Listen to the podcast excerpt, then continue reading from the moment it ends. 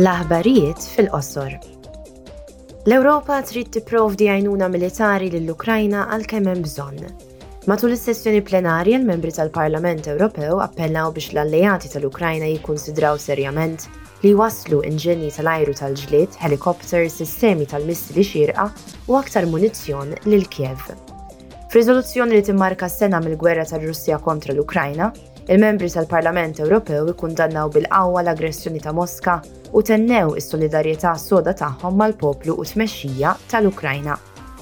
Il-Parlament Ewropew jemmen li l-assi Russi ffriżati għandhom jintużaw għal bini mill-ġdid tal-Ukrajna u li Moska u l-alleati tagħha għandhom jiffaċċjaw sanzjonijiet usa'. Delegazzjoni tal-Kumitat tal-Affarijiet Barranin se żżur Jakarta, il-belt kapitali tal-Indoneżja u s-sede tas-Segretarjat tal-Assoċjazzjoni tan-Nazzjonijiet tax-Xlokk tal-Asja, u se żżur anke Hanoi fil-Vjetnam sa nhar il-Ġimgħa. L-għan ewlien tal-missjoni huwa li tikkontribwixxi għat-tkabbir ta' sħubija strateġika bejn l-Unjoni Ewropea u l-ASEAN, b'mod partikolari l-kooperazzjoni bejn il-parlamenti, u anke biex jitjiebu relazzjonijiet mas-sħab il-kbar tal-Unjoni Ewropea fir-reġjun. Delegazzjoni ta' ħames membri mill-Kumitat għall-Iżvilupp ippreseduta minn Thomas Stobe se tivvjaġġa 'l Washington DC għada.